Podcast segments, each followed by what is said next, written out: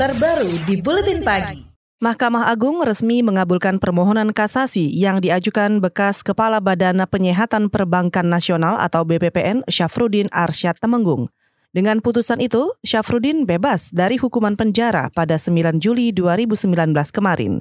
Syafrudin sebelumnya dinyatakan bersalah dalam kasus korupsi surat keterangan lunas Bank Likuiditas Bantuan Indonesia atau BLBI. Ia dihukum 13 tahun penjara oleh Pengadilan Tindak Pidana Korupsi Vonis itu diperberat di Pengadilan Tinggi DKI menjadi 15 tahun penjara.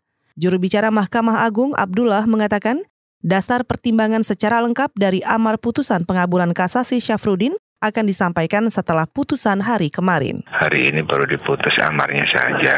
Pertimbangan lengkapnya nanti akan dikeluarkan beberapa hari setelah putus hari ini. Itu tadi juru bicara Mahkamah Agung Abdullah. Dalam putusan MA terjadi dissenting opinion atau perbedaan pendapat hakim ketika pembacaan amar putusan kasasi Syafrudin. Tiga hakim dalam perkara ini masing-masing memberikan pendapat berbeda. Pendapat pertama menyebut perbuatan terdakwa dianggap merupakan perbuatan hukum perdata. Pendapat berbeda lain menyebut terdakwa dianggap melakukan perbuatan hukum administrasi. Dan pandangan ketiga sama dengan putusan pengadilan DKI Jakarta yang memvonis 15 tahun penjara. Bekas Kepala Badan Penyihatan Perbankan Nasional BPPN Syafrudin Arsyad Temenggung eh, menyebut putusan lepas Mahkamah Agung terhadap gugatan kasasinya merupakan putusan yang sesuai dengan apa yang diperjuangkan selama ini. Ia mengklaim sudah menyelesaikan segala urusan penerbitan surat keterangan lunas atau SKL bantuan likuiditas Bank Indonesia, bahkan sudah ditindaklanjuti dengan audit dari Badan Pemeriksa Keuangan. Namun, ia heran ketika KPK tiba-tiba menetapkannya sebagai tersangka pada Maret 2017 lalu. Sebagai mantan ketua BPN, saya sebetulnya sudah menyelesaikan semua urusan itu dan sudah diaudit oleh BPK tahun 2006. Setelah selesai itu ya saya nggak tahu lagi, tiba-tiba tahun 2017 jadi tersangka. Ya, saya kooperatif, selalu kooperatif mengikuti semua prosesnya dan e, proses di PN saya ikuti ditahan sampai satu tahun, enam bulan, 19 hari saya. Mahkamah Agung selepas Syafrudin dengan alasan melepas Syafrudin maksud kami dengan alasan bahwa ia terbukti melakukan perbuatan yang didakwakan tetapi tidak termasuk pelanggaran perdata. Hakim menilai bahwa perbuatan Syafrudin menerbitkan SKL BLBI merupakan pelanggaran administrasi. Komisi Pemberantasan Korupsi atau KPK menghormati putusan Mahkamah Agung yang mengabulkan kasasi mantan Kepala Badan Penyihatan Perbankan Nasional BPPN Syafruddin Arsyad Temenggung.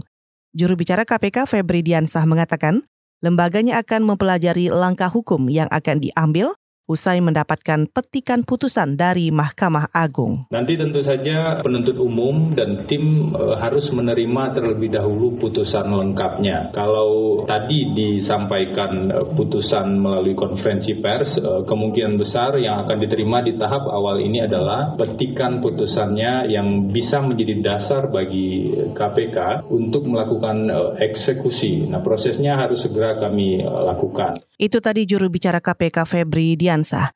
KPK menegaskan penyidikan kasus bantuan likuiditas Bank Indonesia dengan tersangka bekas bos BDNI Syamsul Nur Salim dan Icih Nur Salim bakal berlanjut meskipun Syafruddin bebas.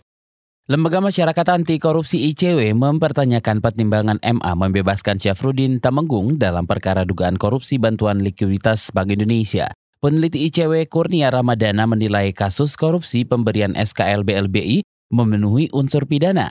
Kurnia mengatakan MA seharusnya mencermati adanya sebuah perjanjian yang ditandatangani obligor mengenai aset yang diklaim senilai 4,8 triliun rupiah dengan salah satu hakim agung yang menyatakan bahwa kasus ini memang sudah benar di ranah pidana. Tidak ada sebenarnya satupun pembuktian yang bisa membawa kasus ini ke ranah perdata ataupun administrasi. Jadi perdebatan antara ini perdata atau pidana itu sudah selesai di ranah pra peradilan. Peneliti ICW Kurnia Ramadana bertim pertimbangan kasus SKL BLBI termasuk ranah pidana perdata atau administrasi sudah selesai pada persidangan inkrah negeri tingkat banding bahkan pra peradilan. Kurnia melihat adanya kejanggalan atas putusan pembebasan Syafruddin yang dilakukan MK. Kurnia mengatakan ICW akan mendesak MA membeberkan secara jelas pertimbangan-pertimbangan pembebasan dari Syafruddin Temenggung yang dinilai merugikan negara sebesar 4,5 triliun rupiah terkait BLBI. Berbeda dengan ICW, Pusat Reformasi Ekonomi atau KOR menilai pejabat publik berpeluang membuat keputusan yang beresiko merugikan negara.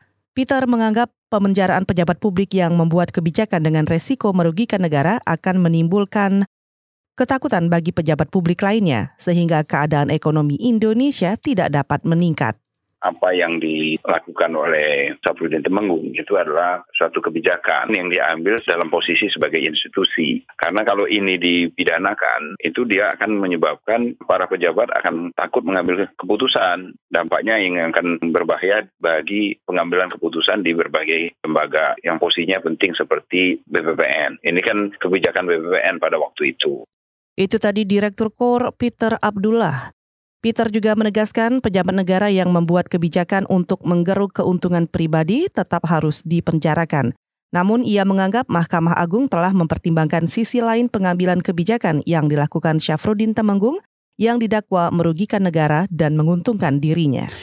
Syafruddin Arsyad Temenggung, mantan Kepala Badan Penyihatan Perbankan Nasional BPPN, difonis 13 tahun penjara oleh Majelis Hakim Pengadilan Tipikor Jakarta pada 24 September 2018 lalu. Ia dinilai terbukti bersalah dalam kasus korupsi pemberian surat keterangan lunas bantuan likuiditas Bank Indonesia terhadap Bank Dagang Nasional Indonesia atau BDNI. Hakim meyakini Syafruddin telah merugikan negara sebesar 4,58 triliun rupiah terkait penerbitan SKL BLBI. Kerugian itu berawal saat Syafruddin berusaha menghapus hutang BDNI yang diajukan PT Dipasena Citra Darmaja dan PT Wahyuni Mandira.